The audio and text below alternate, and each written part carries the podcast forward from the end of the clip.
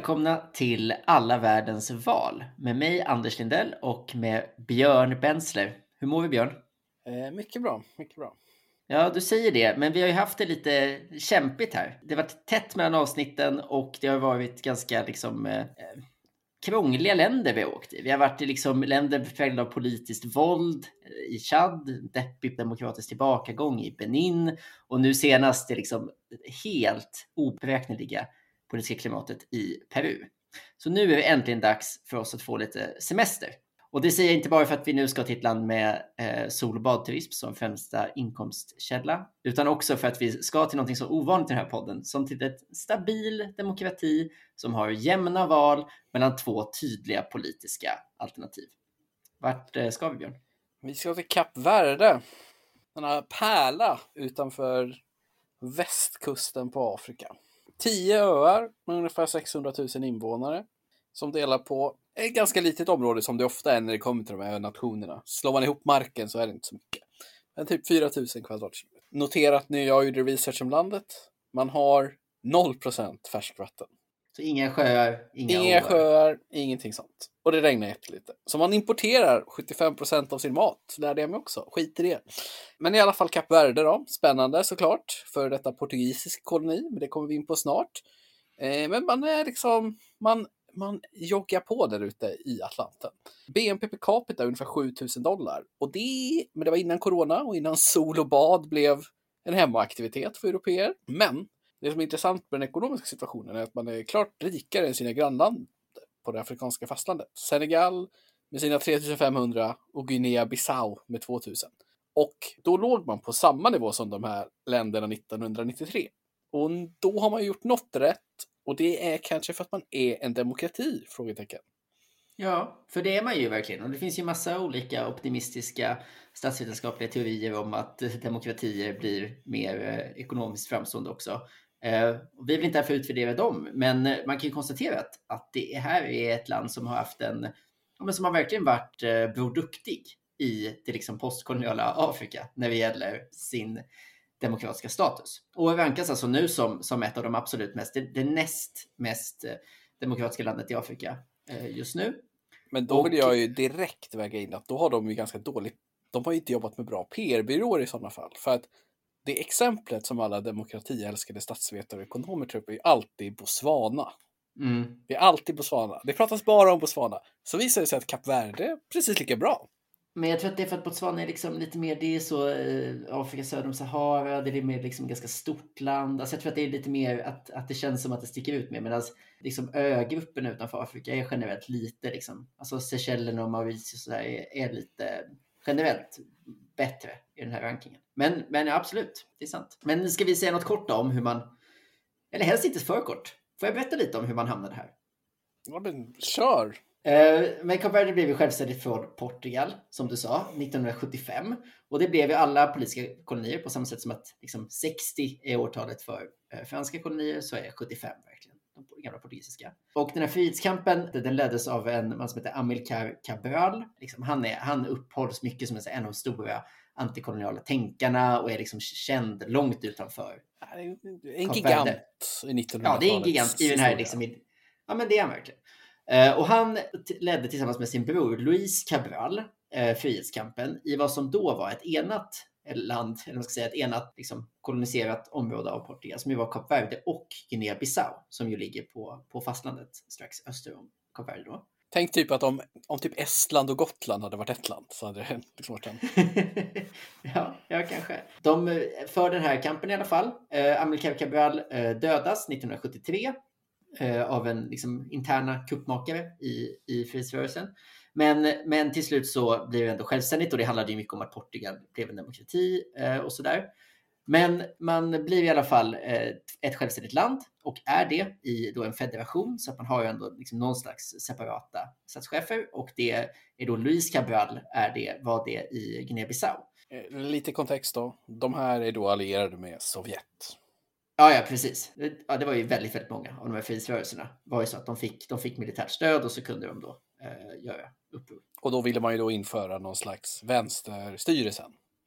Så ja, det verkligen. är stjärnor i flaggor och grejer. Liksom. Ja, ja. Amilcar Cabral är ju liksom en vänster tänkare. Så var det absolut. Det som tar över då är ju liksom en socialistisk enpartistat. Man startar liksom, frihetsrörelsen övergår i partier.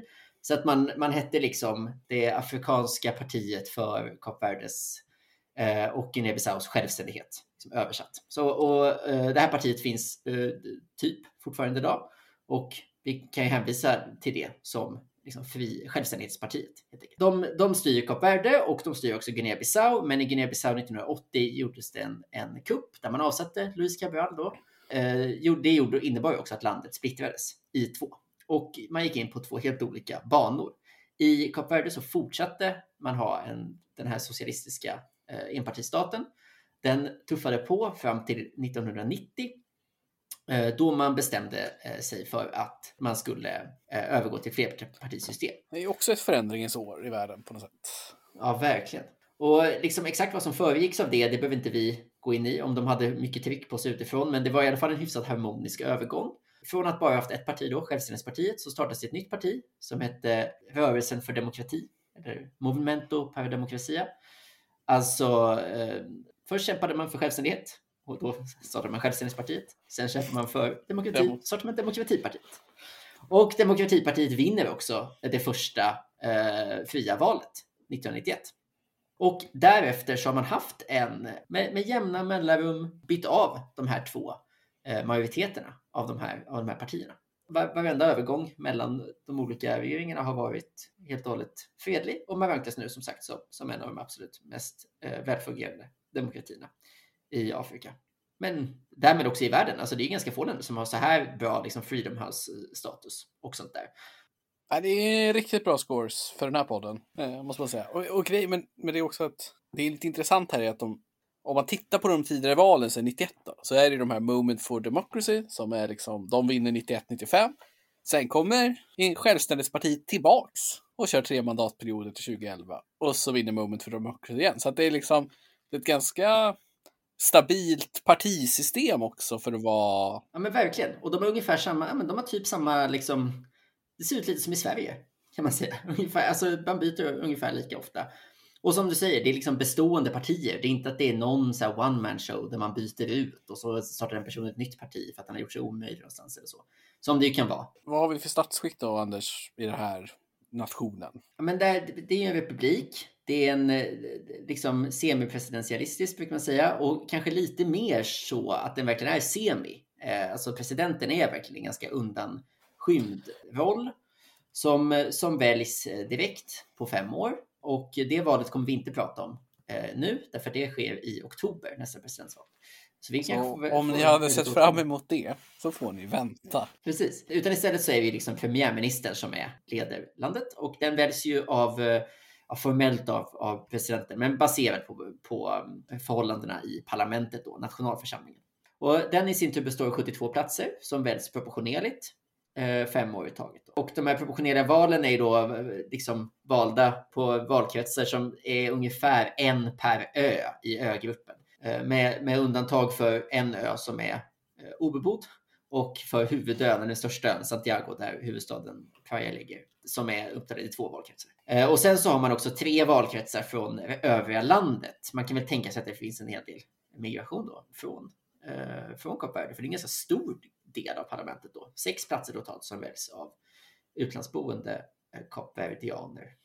Ja, det är en rejäl representation. Man kan dock fika in att för presidentvalet så är det ju då samma dynamik. Så den roterar ju mellan Demokratipartiet och Självständighetspartiet. Och har ja. suttit lite olika tillfällen där. Liksom. Och där rullar det också fram och tillbaks liksom, mellan de här två. Och det är inte alltid så att de har liksom suttit så att det har matchat perfekt med eh, parlamentsförhållandena. Nej, precis. Ska vi, ska vi säga någonting lite om, om eh, tydligare om partierna kanske? Om jag först får bara snabbt nämna en detalj från presidentvalet 2001 här. Ja, men det tycker jag ska. Lite mega kuriosa för er lyssnare. För det är alltså det jämnaste valet som jag någonsin har hittat när jag gjort research till den här podden. 2001 så ställdes Pedro Pires mot Carlos Veiga. Carlos Veiga är Demokratipartiets starke man. Mm. I andra omgången och eh, resultatet blev för Självständighetspartiet så, kandidat som fick 75 827 röster och hans motståndare fick 75 815. Det skilde 12 rösters marginal i ett val med över 150 000 röster kastade.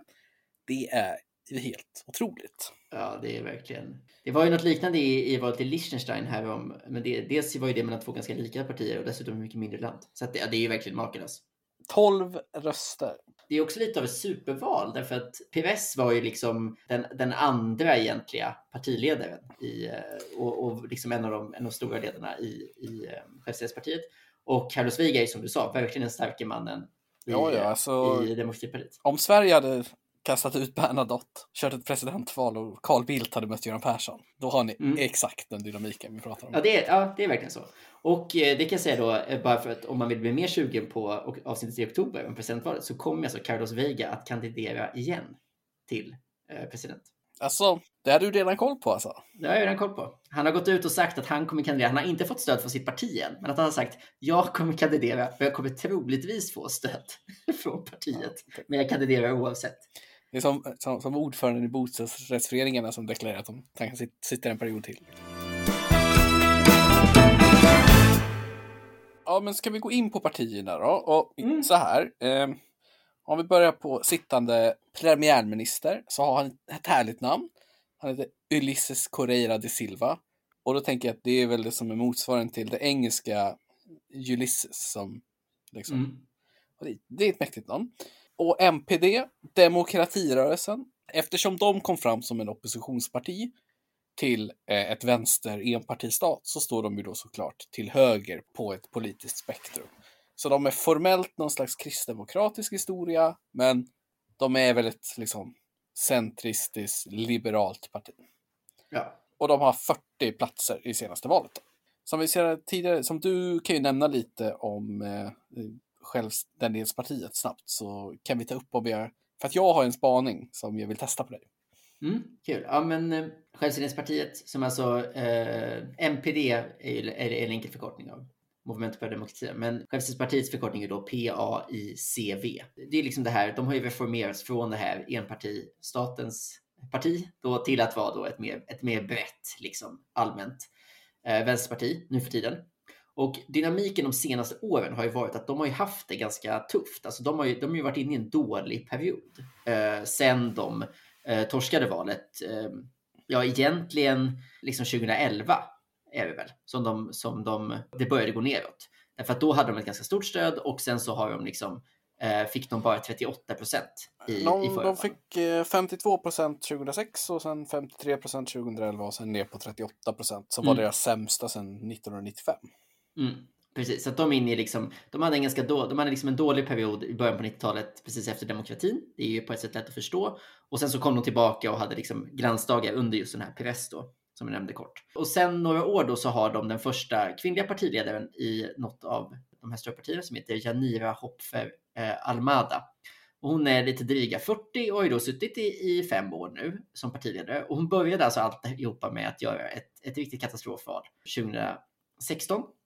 Men eh, har sen tagit revansch och det med besked. Därför att i det första valet i liksom hela den här cykeln är att man hade kommunalval här i höstas. Och där gjorde eh, Självständighetspartiet ett jätteval och lyckades återta. De hade bara två, de hade bara majoritet i två av 22 kommuner och lyckades ta tillbaka majoriteten i, i ytterligare sex. De har lite vind i seglen. Och eh, liksom för att fortsätta prata lite om henne då, så, så har de ju också, de har en yngre, lite mer taggad, ganska liksom aggressiv och, och liksom polemisk debattör som partiledare. Jämfört med den här Ulysses Correa y Silva som är lite mer en liksom sävlig, trevlig, lite försiktig högerman. Utan att veta något om Ulysses så känns det som att han måste ju vara killen som stod på tillväxt länge under Carlos Veiga. Ja, men han är väldigt mycket... Men en de, liksom- de vann ju när han kom in och Veiga försvann. Så, så någonting måste han ju ha. Ja, absolut. Och sen så finns det lite andra partier också, men de är ganska små. Det finns ett som är inne hela tiden och de heter någonting med liksom, ja, Usid. Usid. Du kan ju dra det portugisiska. União Capoverdiana Independente e Democratica. Alltså den eh, självständiga och demokratiska eh, Kapverdianska unionen. Det är ju då roligt att första partiet hette Självständighetspartiet, andra hette Demokratipartiet och sen när det kommer tredje som är så här, vi ska vara opposition, då heter de Självständighet och Demokratipartiet. De triangulerar. Ja. Eh, och det är alltid så jäkla snyggt i spansk slash portugisiskspråkiga länder när man slänger till det här demokratia i alla partierna. Alltid. Mm. Svårt att hålla koll på. De är någon slags Ja. konservativt, lite kristet va? Ja, men det är svårt. Alltså, det är lite svårt att säga vad som egentligen är. Men, men precis, det ska vara De tanken. brukar Och de har typ- varit i lite olika valallianser, så att det är väl så de har varit in en del. Men eh, De brukar få 6-7 procent typ. Och det brukar ge lite olika mandat baserat på hur liksom vart man har vunnit lite röster och så. Eh, Men min spaning, som jag förstod när jag läste på lite, det är att skillnaden delvis mellan Demokratipartiet och Självständighetspartiet är att eh, eftersom det här är en gammal portugisisk koloni så är det ju kopplingar till Europa är ganska viktigt. De har till exempel peggat sin valuta mot euron och sådana grejer. Och MPD är liksom mer en pro-European politisk rörelse. mm, mm. Medan Självständighetspartiet är mer liksom Africa aligned. Så att det typ Mm. ska finnas någon skillnad mellan dem, vart man liksom lutar. Eh, Ja, det, det är spännande. Det kan man ju verkligen tänka sig. Också med tanke på den här kopplingen att man Självständighetspartiet var ju en del av en, en frihetsrörelse som ju fanns i, i större delar av Afrika. ja, så jag har förstått att det är en del av spänningarna mellan partierna. Just vart man Men liksom... jag kan tänka mig det också lite i estetiken också. Jag har tittat på lite så här videos från olika valmöten som de har i, i eh, Självständighetspartiet. Så. De, ja, det, det känns igen lite. Den, vilken typ av politisk estetik man appellerar till. Ja, för du såg ju på en debatt. Och kan vi få din Ja. recension av debatten i Kap Verdes val till parlamentet? Ja, det var en ganska kul debatt skulle jag säga. Den hölls i liksom, den stora tv-kanalen i landet och eh, kretsade ju kring en ganska b- bredd av frågor. Jag ska ärligt säga att jag tittade ju på de första 15 minuterna väldigt intensivt och sen så lä- lät jag väl mest gå på i bakgrunden eh, medan jag läste på resten. Det är väl som att Men- titta på en partiledardebatt i Agenda. Så... Men den var, jag skulle säga att den var liksom ehm, ganska, ganska kul och, och levande och så. Och det som är väldigt tydligt, alltså så här, det är ju något speciellt. Är, vi har ju på ett sätt valt ett lite dåligt år att börja den här podden på. För att det, det finns ju ett givet ämne i alla länder. Alltså även i Kap Verde är ju coronapandemin en jättestor fråga. Och liksom kapaciteten i vården och så var verkligen huvud, huvudämnet. Och jag skulle säga att alla partier angrep i den debatten eh, MPD för att ha misskött vården och varit för, varit för oförsiktiga i sina liberaliseringar av landet och så. Så att jag skulle säga att alla partier, även om de liksom kallas liksom kristdemokratiska eller sådär, så, så skulle jag säga att alla angrep dem från ett vänsterperspektiv. Så. Det var, jag ska säga, det var fyra kandidater med. Nu gick vi inte igenom de andra. Det är ju väldigt små partier. Det är ju många liksom partier som då inte är med. Sitter i parlamentet idag och så. Och det var ju två kandidater. Eh, det var sex liksom pulpeter uppställda. Två kandidater hade inte kommit. Det ena för att de hade, partiet hade på något sätt misslyckats med att registrera kandidaten i tid. Och det andra för att, eh, för att de inte var överens om vem som skulle komma. Det säger någonting om hur små partier det är för det här liksom, eh, som, som kandiderar utanför de här stora.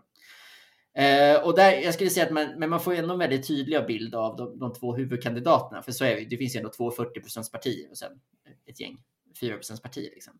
Och i, i, de här, i de stora partierna så, så skiljs de verkligen åt. Det är två väldigt olika typer av politiker som kandiderar mot varandra. Vem tyckte du var bästa kommunikatören då? Liksom? Nej men absolut Janira Almada på ett sätt. Alltså de, hon är ju en mycket mer ideologisk politiker. Alltså som verkligen så anknöt till ideologi väldigt mycket och liksom såg till, hade liksom en, en mer drivande berättelse om liksom varför, varför de är kritiska till regeringen. Medan MPD och liksom Ulysses eh, Silva är ju mycket mer en ja, försöker liksom förklara och alltså har en mycket mer teknokratisk eh, inställning till sitt ämbete och försöker liksom beskriva sig själv som, som kompetent och beskriva att alla hade gjort det han har gjort i olika val. Och sånt. Men det är ett coronaval tydligt, det är din bild. Ja, det skulle jag ändå säga. Liksom. Sen är det ju inte, klart det finns andra frågor också. Eh, men, men det påverkade lite mycket. Det var ju liksom inledde och avslutade debatt. Och det gör ju också att det är lite svårt att se vad som kommer hända i valet. Vi, vi har inte lyckats hitta någon opinionsmätning eller sånt där. Man kan ju gå lite grann då på att det skedde ett stort skifte på lokal nivå tidigare, men ja, det är också svårt att veta exakt hur det, hur det påverkade. Och även i det så fick ju MPD, eh, de vann ju ändå hälften av kommunerna, så att det kanske ändå inte säger någonting om att man eh, skulle tappa makten i presidentvalet. Eller i, på nationell nivå. Nej, det känns ju svårt att spekulera i hur det här kommer gå faktiskt. Ja, Utan det Det får är, där får vi vänta och se. Eh, men du, av de valfilm som du hittar också så verkar det ändå som att MPD då, Demokratipartiet, de kampanjar liksom lite på ekonomiska frågor ändå. Ja, de har ju, det är precis, deras case är mycket att de har lyft folk ur fattigdom och att liksom samhället fungerar bättre nu. Det var mycket så jag pratade om att eh, liksom, tillgång till vatten och tillgång till el. Liksom. Det är klart att eh, de två frågorna i det här, det är ett väldigt utspritt land och verkar finnas ganska stora regionala skillnader och så, så att det finns väl ganska mycket så här eh, tekniska frågor eller så liksom kapacitetsfrågor om typ vatten och el som, har, som är stora politiska frågor fortfarande deras bild är väl själva i alla fall att de ska ha gett ett, ett högre materiellt välstånd än eh, sina företrädare. Då. För det är ju tio år nu man har haft makten. Det ska man inte glömma bort. Och det har väl varit tio ekonomiskt sett ganska goda år. Ja, jo, det har varit eh, ekonomiskt jättegoda år för dem. Sen liksom, sen 93. Det gått som ett rakt mm. streck. Sen var det absolut högst tillväxt eh, typ 2002 till 2006 7 och sen platterade det lite och sen kom det igång igen nu inför 2020 då. Mm. Men mm. som sagt, det är ju innan corona. Liksom. Det, är ju... det blir mm. intressant att se vad det händer, vad som, hur det påverkar och så. ekonomin och samhället. Jaha, så det är val på söndag med andra ord. Ja, det har vi inte sagt ja, den 18. Precis. Då blir det väl ett resultat som vi får ta upp när vi gör någon slags resultat-recap snart efter alla val som har varit den senaste tiden. För det var ju väldigt många i söndags, men där är det ju inte 100. Är liksom alla resultat inne där riktigt? Eh, jag vet inte. Peru börjar ju ticka in nu, men jag är osäker på några av de andra. Chad ska de också rigga valet ordentligt liksom, så det måste ju ta ett tag att få ut rätt. Lite kvar att fixa med det. Yes, men eh, vad är nästa avsnitt för den här podden då, Anders? Du, det är en bra fråga. Jag bläddrar här. Jo, det är också ett, eh, ett avsnitt jag tror vi sett fram emot ganska mycket, båda två. Det är nämligen så att vi ska till Albanien ja, den 25 april. Det. det är inte tråkigt. Det blir spännande. På återseende då. då. Ha det bra.